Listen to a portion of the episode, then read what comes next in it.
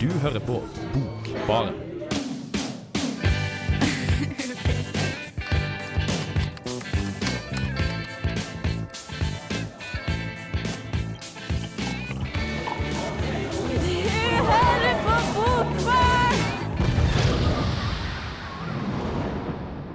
God dag og god kveld, kjære bokvenn. Det her er Bokbarn, og håper du har sittet til rette, fordi det her er så bra som det kan bli. Eh, Mitt navn er Kristoffer Ervik, og med meg har jeg Ingrid og Eline.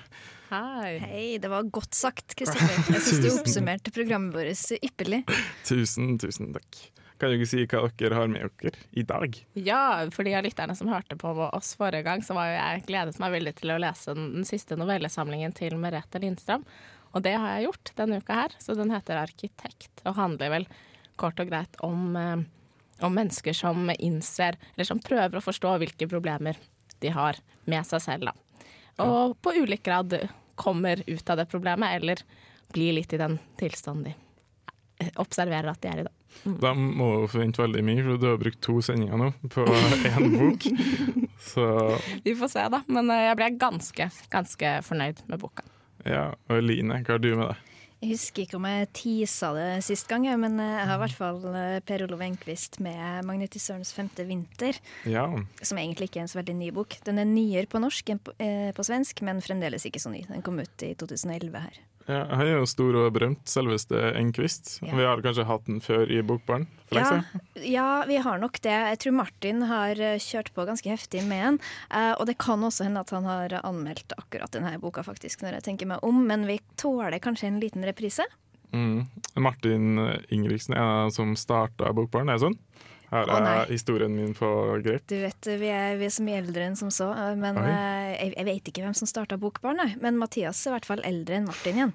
Så, og det er så langt som jeg kan komme. Ja, Det kan ha vært mange som har vært med før òg. Jeg vet ikke. det vet, ingen som vet noe om Bokbarn.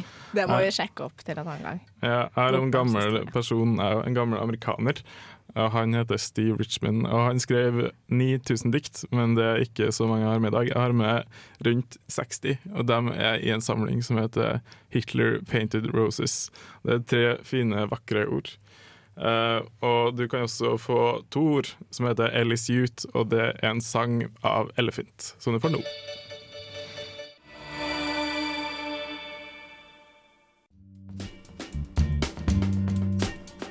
Hei, jeg heter Arild Wange og hører på Bokbaren hver tirsdag for å holde meg oppdatert på hva som skjer i litteraturen her til lands og ellers i verden. Jeg ser grålysningen nå. Våren har langsomt gjort sitt inntog. Lange dager, lys luft, fugler. Min kone sover tungt i rommet ved siden av. Jeg føler et ansvar for min by som før har vært meg fremmed. Et ansvar for dem alle. Jeg påtar meg byrden av alle disse hederlige, lettrørte, lettforførte, usikre menneskene som lengter etter en forfører. Han ga dem en, og de tok imot ham, og han gjorde dem lykkelige, og jeg tok ham ifra dem. Store deler av Per Olov Enquists roman 'Magnetisørens femte vinter' blir beskrevet gjennom dagboknotatene til doktor Klaus Sellinger. Historien utspiller seg i en liten landsby i Tyskland på slutten av 1700-tallet.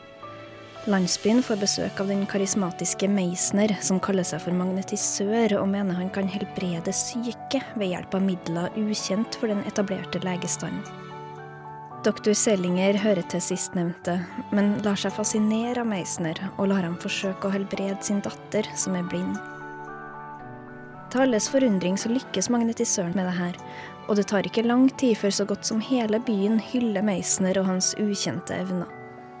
Flere og flere forføres av den mystiske helbrederen, og Meisner kan ta seg bedre og bedre betalt for tjenestene sine. Dagboknotatene til Selinger fungerer godt som narrativ, da han etter hvert får en fot i begge medisinske leirer. Han støtter seg på sin kunnskap som lege, samtidig som han må innse hva Meisner har gjort for dattera hans, og blir etter hvert det som han kaller for medisinsk kontrollør hos Meisner. Selingers nyanserte beskrivelse av det som skjer når magnetisøren kommer til landsbyen, er langt mer interessant enn massens ukritiske tilbedelse av Meisner og enkelte legers uforbeholdne avvisning.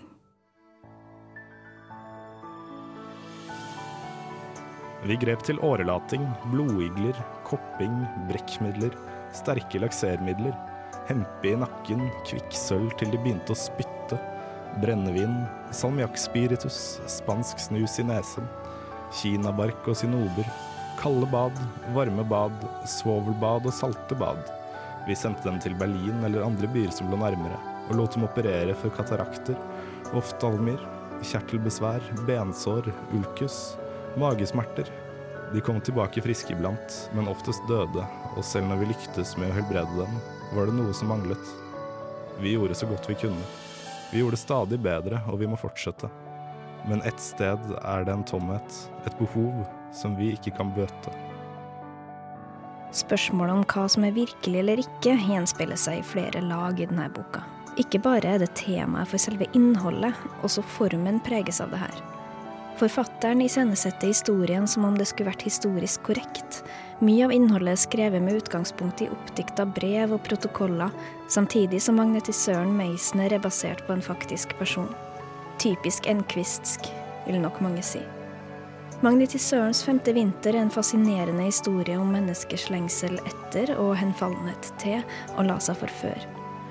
Om vårt ønske etter noe mer, noe fengslende å tro på som kan redde oss. Om Meisner virkelig bare var en sjarlatan som utnytta mennesker, eller ga dem noe mer i form av en opplevelse helt utenom det vanlige, og som de aldri vil glemme, er opp til leseren å avgjøre. Jeg tror livet er en fristelse. En fristelse til å velge det fargesterke framfor det rette, det elegante framfor det klossete. I dette lyset ser jeg nå Meisner og det håpet han ga meg.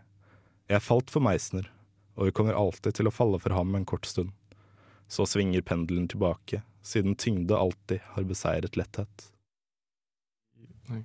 Og vi føler nesten for deg, Tobias. Tusen takk for den uh, innspillinga for Eline. veldig flink. Ja, alle er det egentlig som snakker for oss. Men hva er fakta, og hva er fiksjon, Eline? For det er det den handler om. Eh, ja, i stor grad. Eh, og det har Enquist gjort på en veldig sånn snedig måte. Eh, sånn som jeg var inne på, så eh, er det jo ikke bare tema som omhandler om hva som faktisk er virkelig og ikke, men, men også måten han gjør det på. Fordi han later som om han får sin informasjon fra protokoller og brev og faktiske historiske personer, eh, når det her i stor grad ikke er sant. Eh, det er én person som uh, Meisner, eh, han magnetisøren, er mm, basert på, men ellers så er det veldig sånn Han, han har iscenesatt en virkelighet, og det er veldig snedig gjort.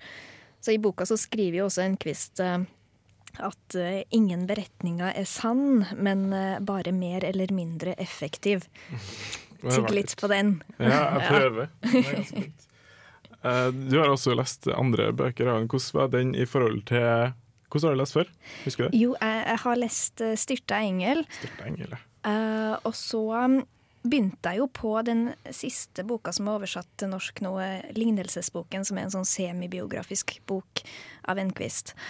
Eh, men jeg har ikke fått uh, blitt ferdig med den, fordi jeg forstår jo at det er så mange referanser her til hans tidligere bøker, så jeg må begynne med dem først. Ah. Og Derfor så snubla jeg borti Magnetisørens femte vinter nå, da. Det er veldig fint å bygge deg opp mot den lignelsen Hva var den kalt igjen? Lignelsesboken, ja. Lignelsesboken. For Den ble vel nominert vel nominert til Nobels uh, litteraturpris et par år siden. Det ikke- overrasker meg ikke. Nei. Nei. Han er en av de store, tunge i Norden for tida. Ja. Og sånn sett så er det litt rart at Magnetisørens eh, femte vinter ble um, oversatt såpass seint, for den kom jo ut i 2011, og så opprinnelig da, så kom den ut i Sverige i 1964. Og, så det har jo gått ganske lang tid, og han er jo en stor forfatter, så det var på tide, men den er, det er godt gjort når det først er blitt gjort. Ja, er det hans eh, mest tidlige bøker? Er Han skrev først, vet du det? Og det er jeg usikker på, men eh, det må, jeg tror han må, det må være noe sånt, ja. Han er ganske gammel, da, så hvis, han, hvis man sier at han var rundt ja, sene 20-årene eller begynnelsen av 30-årene da han skrev det, kanskje, Ja. så tenker jeg at eh, det må være en av de første. Det hørtes veldig fint ut. Jeg fikk lyst til å lese den. Ja. Sånn, jeg liker det forholdet mellom virkelighet og fiksjon. Ja. Men det var sånn at den er fortalt i første person. Er med en sånn dagbokform? Jeg syns du nevnte det for meg i Ja, sted. eh, veldig eh, Altså nesten hele siste del, eller he, eh, siste halve del av boka er i, i dagbokperspektiv, eh, sånn da. Men uh, i begynnelsen så får du se det gjennom øynene til han her magnetisøren Meisner. Eh, så det veksler litt. Rann, og det er også noe som gjør det så fascinerende, det her med når han er inne i hodet på noen, som er jo er fiksjon, og når han presenterer det som uh, informasjon han har fått fra andre kilder. Ah, okay. Så fint. Vi skal ha en eh, ny bok av meg. Eller ikke bare for å dytte unna, det er veldig fint. Jeg skal lese den én gang. Men vi skal også ha en diktsamling av meg, som jeg sa i sted, som heter 'Hitler Painted Roses'. Men før det får du en rik vakker sang som heter 'Money' av Naomi Pilgrim.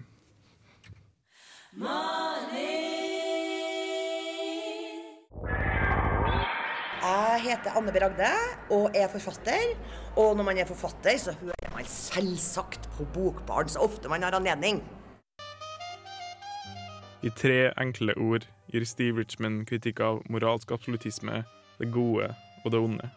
De tre ordene Hitler painted roses. Hitler malte også landskap og hus, men altså rosa. Rød, rosa, oransje, gul og hvit. Blomsten som har blitt romantisert og gjort allegorier for kjærlighet og forelskelse. Hva hadde Adolf Hitler, den mest hata personen de siste 200 årene, med den å gjøre? Muligens kan man få større forståelse hvis man ser på oss sjøl. Gode, gamle Norge. Tidlig på 1900-tallet vokste nasjonalismen. Ikke bare i USA, Storbritannia og Tyskland, men også i Norge. Og med det her kom sosialdarwinismen, som ikke nødvendigvis er fæl og skummel i seg sjøl. Når det ligger hendene på redde og bitre menn, kan det gå dårlig for seg. Assimilering er et ord som ikke brukes altfor ofte for tida. Det betyr å ta vekk kulturen til minoritet. Men det her medbrakt tvangslæring, tvangsflytting, sterilisering av samene. Dette er et mørkt kapittel i den norske historien som ikke blir tatt opp i lyset altfor ofte. Så om snille Norge har sine svin, da har kanskje Hitler sine perler også. Prior to his concert, Pablo Casals asked, Do you like war? And they roared, No! And I, leaping to the podium, split his bald head open as the hairline dipped my tongue in his cream of wheat brains and tickled his tiny tumor of hate. Nok om tittelen. Hitler Painted Roses en todelt diktsamling. Den første ble utgitt i 1963 med forord av Charles Bukowski. Det er bare 33 dikt, der kvinner, rus og smutt er gjengangere. I likhet med Bukowski prøver han ikke å holde noe tilbake. Diktene støtter seg på kraft, og det er akkurat det de skal gjøre. Begge to kalles for meat poets, sa han med en som heter William Wantling. Følge Wikipedia så fokuserte de på direkte, tøff, maskuline dikt. Og det er sant til en viss grad. Mye grovt. Bruker avføring som metafor i mesteparten av diktene. Prøver ikke å framstille seg sjøl som noe positivt. Men under ordene føler jeg at det ligger en empatisk og intelligent person som bryr seg om andre. Kommenterer falske familiemedlemmer. Eller bare enkle tanker og mennesker som går på gata. Writing, mer, typer, scribbling. Almost always works to bring me back up.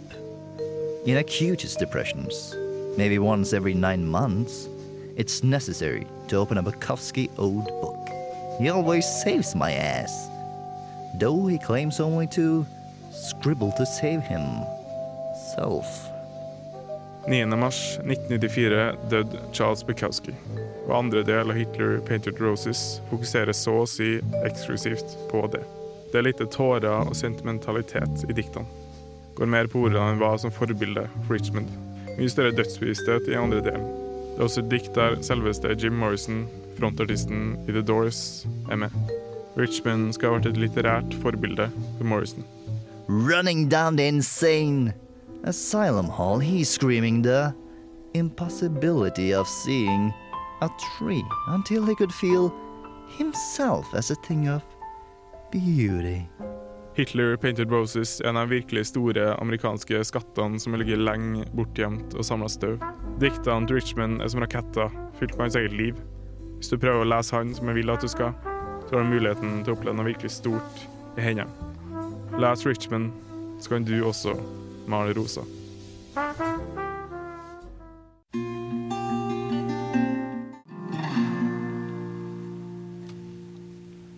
Og hallo, du fikk nettopp Prism Song av Julia Byrne, eller Barn, eller Byrne, hvis ikke mine skeive hornhinner narrer meg nok en gang. Og hvis du var her for enda tre minutter siden, så fikk du saken min om noen roser og Hitler og noe maling. Eh, men det er da om Steve Richmond, som er en av de bortgjemte skattene i USA. Han var da heroinist i 40 år, eh, mye av at han arva to millioner dollar av familien. Oi. Fordi de, var, de eide masse leiligheter, og så døde de. Og så valgte han å bruke det på heroin. Ja. Ja. Og noen diktsamlinger, som var blant annet Bukowski, som var min uh, litterære gudfar. Eller er vel det fortsatt. Ja, det var jo din eh, eh, var- Jomfrusending. Ja, jeg skulle si det var han som tok jomfrudommen din her i studio Ja, jeg har den første tatt gangen. masse fra meg. Så, Ja. Så gjennom ta han du kom på Du ble kjent med Steve Richman? Ja, Han er ikke så veldig kjent. Det er masse hipstermannfolk på nettet som eh, prater om de boka her. Og så ble jeg litt nysgjerrig, og så bestilte jeg den. Men så visste jeg før Jeg visste at de hadde noe fellesskap, Steve Richman og Charles Bukowski, men jeg visste ikke at han skrev forordet.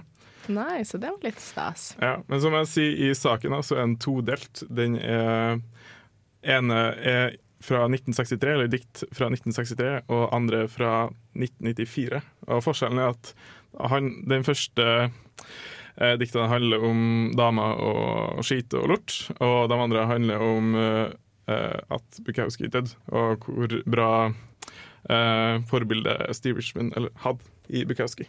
Så Du klarer, klarer ikke å skrive noe dikt uten at den sier at Bukowski var den største poeten som noen gang levde. Så det er med alle diktene? Eh, som Steve Richmond laga? Nei. Ja, i den andre delen? Nei, det, han sier sjøl at han skrev eh, 9000 dikt, eller gagaku, som er japansk for vakker sang. Jeg vet ikke hvorfor han skrev det i hvert dikt, eller så å si hvert dikt heter for gagaku. Men eh, sånn er det i hvert fall. Vakker sang, det er jo litt sånn rytme, rytme til diktet, det, jeg vet ikke. Det jo, mm. sier jo kanskje noe om hva diktet er Jeg vet ikke for hvordan man sier gagaku, om det er veldig fort, eller gagaku. Det, det, det høres jo litt bra ut, det, da. Det, ja, det er vanskelig hvis man ikke kan japansk, var det det det var? Ja, jeg tror det. Jeg lurer på om det var. Men det er litt rart, for at han gikk jo til å være heroinist, men han, før så var han eh, gikk en jus. Ikke jus, men jus, som i lover og regler og sånn, eh, på UCLA, som er et veldig godt eh, universitet. Men, Men- så tok han en helomvending og ble eh, heroinist istedenfor. Merker man noe til det diktene? Er det tematikk i noen av diktene? Heroin og juss? Um, han skriver ikke dikt for å tjene penger, for han, det har han jo fra før av. Mm. Da blir det veldig gode dikt, syns jeg. da. Mange som ikke syns det. Jeg tror ikke de er lest av så mange professorer og sånn. Men uh, Liker du best uh, jusdiktene hans eller heroindiktene? uh, heroindiktene det er ikke så veldig klassifisert. Det står ikke i tittelen. Jeg tror han ødela det med Gaga Ku. Ja. Men ja. Uh, skulle dere spørre noe om uh, rytme og sånn? Ja, var, ja, kanskje vi skulle det? Spørre enda mer om rytme enn vakre sangen, vakre sangen, japanske vakre sangen. Er det noe Ja, rytme Det, som du, spesielt? De ligger i ordene. Uh, I likhet med Bukowski så handler det mer om hvordan det formen i hvert dikt. annet enn en sånn regelbundne uh, formen som jeg lærer på skrivekurs eller på universitetet. Men det går veldig på intuisjon. Tror jeg er riktig ord å bruke. Men uh, nå er sikkert folk dritlei av å høre på om meg og mine uh, kjære venner fra gamle USA, så nå får du 'Morning Call' av MP Kanskje, interessant, kanskje ikke det, men uh, det får du vite sjøl.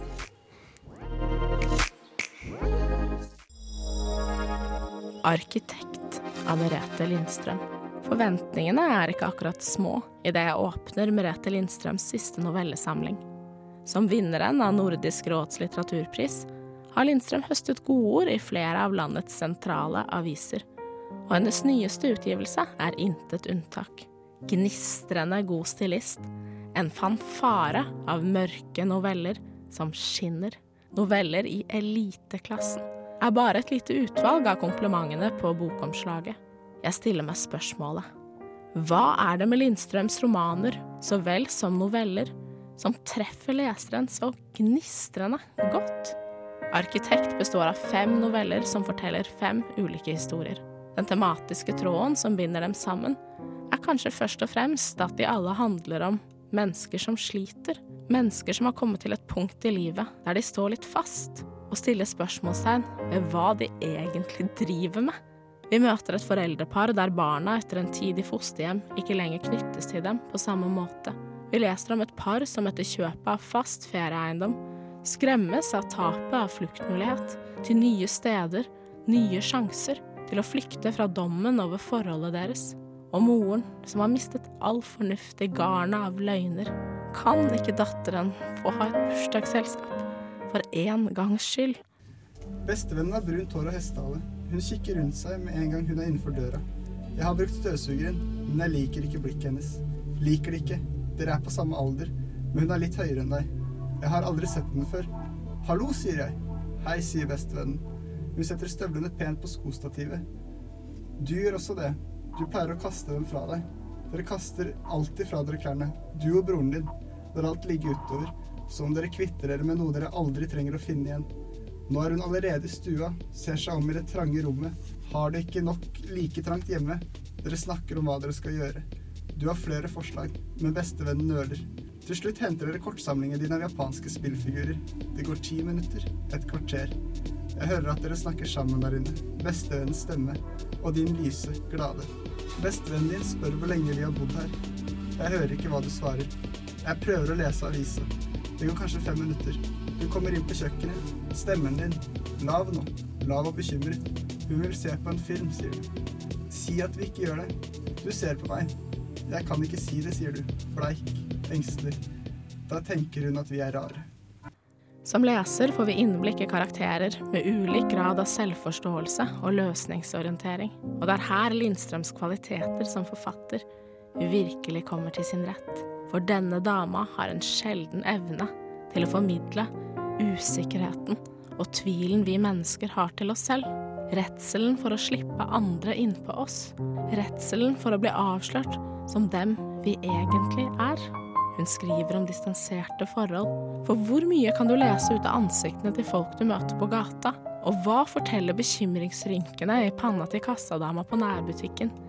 Bruken av korte setninger og gjentagelser vitner om hoder fullt av mange tanker uten klare retninger. De prøver så hardt. De vil så gjerne. Som veltrent novellist klarer Lindstrøm å dytte dem langt på vei til ærlighet. Men den endelige handlingen kommer, hvis den kommer, først utenfor boka. Og jeg tror at det er akkurat det som treffer oss. Ærlighet varer lengst, er det noe som heter. Men hvor ærlig er vi egentlig med oss selv?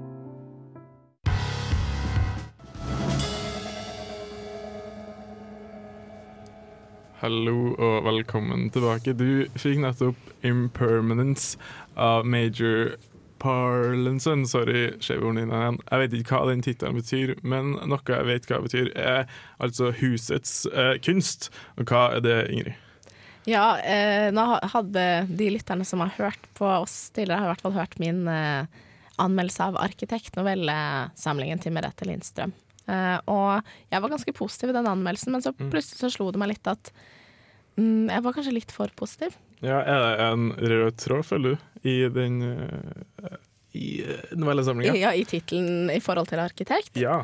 Ja, eh, det var det jeg håpet på veldig da. Jeg tenkte jo litt arkitekt i forhold til, forhold til mennesker, da, men veldig fordi jeg hadde hørt at det handlet veldig om mennesker som var i fastlåste situasjoner som de ikke kom helt ut av, og det var mennesker som kanskje ikke fikk det livet helt de ønsket seg, og sånne ting. Og det tenker jeg også litt på med en bygning da, som har kanskje en veldig tydelig plan, som ikke alltid blir fulgt på samme måte, eller at kanskje bygningen endrer seg litt med de menneskene som kommer inn i den, og det og akkurat som vi mennesker også endrer oss litt i løpet av livet, da. Bygger på litt her og river ned litt der og ja. I tillegg så er det også sånn at i flere av novellene så er det et sted så flytter de, og det er jo veldig mange ting som forbindes med å flytte, det å få en ny start og det å bygge opp noe nytt og møte naboene og man har et nytt førsteinntrykk og sånne ting. Det er jo eh, Og det er nyttig for disse menneskene i denne eh, novella. Og et annet sted så er det det å få besøk, det å ha folk komme hjem til deg. Da blir de kjent med deg på en annen måte. Så huset og arkitekturen involveres jo litt, da. Men kanskje litt mindre enn jeg hadde håpet på. Jeg har lest på hjemmesiden til Gyldendal, for det er Gyldendal som har den boka. Tipper jeg. Det, mm. ja. Nei, det er Aschehoug, er det. Aschehoug? OK, sorry. Så da leser jeg kanskje jeg har lest feil bok. Hvis ja. det er eh, en bok som heter 'Arkitekt' av Merete Lindstrøm på uh, Gyldendal sine sider Nei, Aschehoug. Det. det. Det sto at det var en ramme for liksom menneskene. Den, eh, at det handla om det. Men kanskje de har lest feil, det, det forlaget. Kanskje de ikke vet noe som helst. Ramme for menneskene. Uh, ja, det er jo ramme for menneskene. Jeg vet ikke om jeg følte helt at det var en ramme for menneskene, nei. Det vet jeg ikke om jeg kan si noe sånn helt skråsikkert om. Men, uh, men det sto jo også det at eh, novellen er en arkitektonisk sjanger, da. Og det er jo Sånn sett så følger, følger den jo litt opp med at det er en klar bygning, men det syns jeg også var litt skuffende i noen av disse novellene, at det er veldig tydelig det, er dette klare vendepunktet man kanskje leter etter i novellen, og det var et vendepunkt for mange av disse personene som innser selv litt hvilke problemer de har, og hva de må jobbe med, og kanskje litt på hvilken måte de skal gjøre det, at det blir vendepunktet. At de virkelig kommer til en større selvforståelse. Men selve handlingen uteble i de fleste noveller. Det ble liksom Ja, de skjønte at de hadde det kjipt, og dette burde de kanskje gjøre noe med, men eh, det å handle, da, det gjør veldig mye med karakterene, for du virkelig ser hva de bærer på, og hvordan de virkelig kan reagere, og det fikk jeg ikke se helt. da. Jeg følte at karakterene ble kanskje litt tynne enkelte ganger, at de ikke fikk se hele spekteret. Det savner jeg litt. Ja. Vi snakka tidligere om at eh, hun, sånn som du sier, at forfatteren holder seg i et, en liten del av det spekteret hun kunne ha spilt på, men så er det noe hun gjør veldig godt. Føler du at hun eh, på en måte kjører et trygt løp ved å holde seg i den komfortsonen? Ja, nå skal ikke jeg uttale meg som en eh, ekspert, for jeg har bare lest to bøker, men jeg syns at uh, jeg liker godt det sporet hun holder seg i, og det er en, selvfølgelig en det er fint å være komfortabel og på en måte virkelig, for hun spiller jo det spekteret godt og er virkelig trygg. Jeg syns jo på en måte hun spiller på flere deler av det spekteret. Hun kjører jo ikke helt samme løp, det er jo en variasjon i disse novellene. Men uh, likevel så syns jeg kanskje at hun kunne prøvd å virkelig pushe karakterene sine enda mer, da. Jeg håper ikke at de slutter der hvor novellen slutter, for å si det sånn. Nei, du, det er en som heter Sult, er ikke det? En novelle der? Jo. Har. Det handler om en, eh, en person som dro på en ferietur, og så eh, mora i det familieforholdet på den ferieturen har sånne fordommer mot en annen familie. Ja, det er det, og jeg tror kanskje at sånn som i Hamsunsult også, så gjør det at hun er sulten, da, fordi de får et brått motorstopp, så de har nesten ingenting å spise. Det gjør sikkert at disse fordommene blir enda mer eh, ja, bygd ut da, enn de kanskje burde vært, for hun eh, jeg driver og fantaserer ganske mye. Men det handler jo, og det handler det om i andre noveller også, det er hvordan både du oppfatter andre, og de oppfatter deg. Det er mange som er veldig redd for at man kan lese utrolig mye ut av ansiktet ditt. Da. At du er, og derfor så tør de ikke å gå inn i relasjoner, for de føler at de blir avslørt før de nesten har sagt hei. da. Sånn som vi kan, vi kan jo lese mye ut av folk når vi sitter på bussen f.eks., og det er det noen her som er virkelig skremt av. da. Mm. Tør ikke å vise seg. Eh, du har jo også lest den eh, første boka hennes, debuten. Uh, har jeg rett i det? I hvert fall en bok som heter 'Dager i stillhetens historie'. Ja, som hun vant Nordisk råds litteraturpris Ja, for. Hvordan mm -hmm. sammenligner dem? Har de noe likhetstrekk? Ja, det er det, det som Eline også snakket om, det samme sporet. Da. Det, er veldig, um, det som hun er veldig god på, det er å virkelig skildre mennesker som har det Som virkelig begynner å innse at kanskje det er på tide å skjønne Prøve å forstå litt hva er det jeg egentlig driver med, hvilke løgner er det jeg har båret på, hva er det jeg skyver unna, hva er det som ikke fungerer helt med mitt liv, med, og spesielt fokus er det på familierelasjoner, da. Det er mange som enten i parforholdet eller i forholdet til barna sine ikke de snakker ikke ordentlig sammen. Da. Det var veldig mye kommunikasjonssvikt som var fokus i den forrige boka. Eh, og det er det også her eh, at man ikke er helt ærlig med seg selv, da. Og det er vanskelig å være det, altså. Det er ikke lett. Vi kan jo spørre Charlotte Gainsberg om hun har lett med Hey Joe.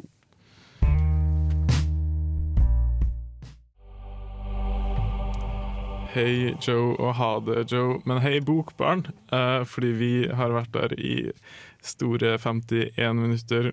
Det har gått veldig fort, kanskje litt for fort med selveste Enquist, vår store, gode venn fra Sverige.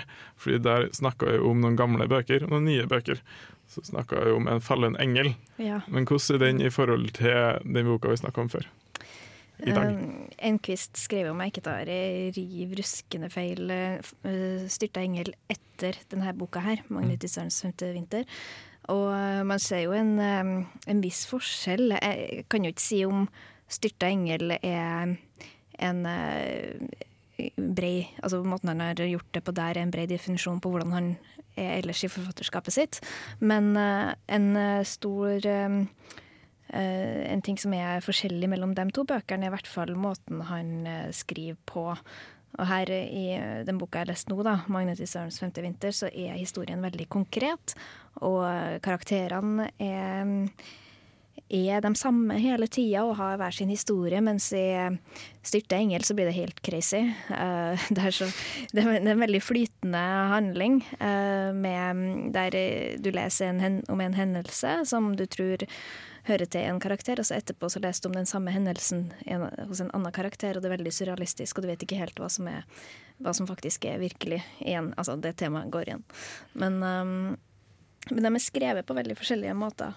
Uh, han er litt mer uh, Det var vel en anmelder som sa at han maler med en bredere pensel i sine tidligere, tidligere bøker. Uh, og så blir han mer subtil og litt, leker seg mer med språket etter hvert som han blir eldre. Ja. Men det er veldig fint. Mm. Og hvis du er glad i sånne Eller fortsett. For jeg tok pusten fra deg. Du gjorde det. Jeg kom på en ting jeg må si, eh, som er veldig morsomt. eh, Og det handler om omslagen. For nå er det lenge siden vi har snakka om omslag her i Bokbarn. Ja, ja.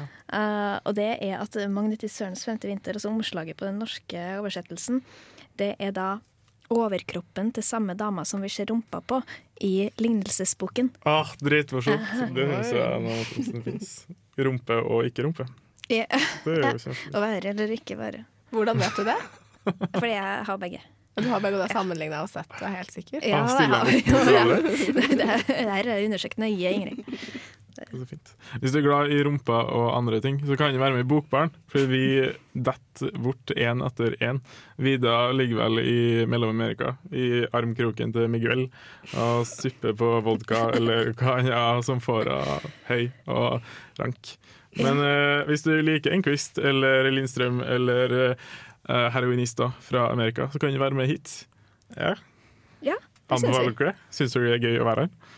Absolutt. Veldig. Ja, man kan virkelig prate om det man er interessert i, Ja. i de bøkene man har lyst til å lese. Man kan bestille fra forlaget og virkelig finne skatter.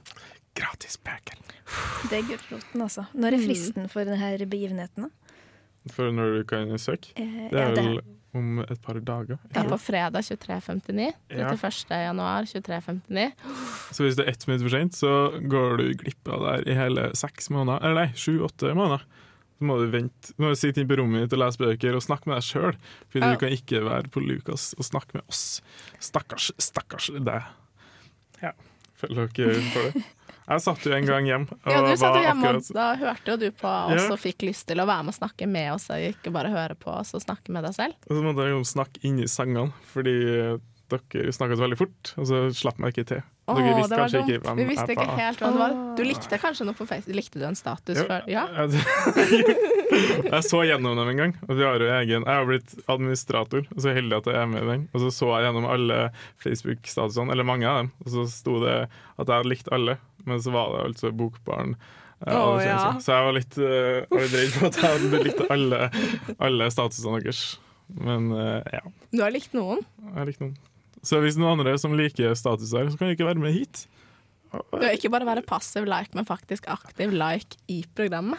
Og se at andre liker det, Ja. hvis det er noen. Og så slipper man å late som man er med i stikkene. Ja. Ja.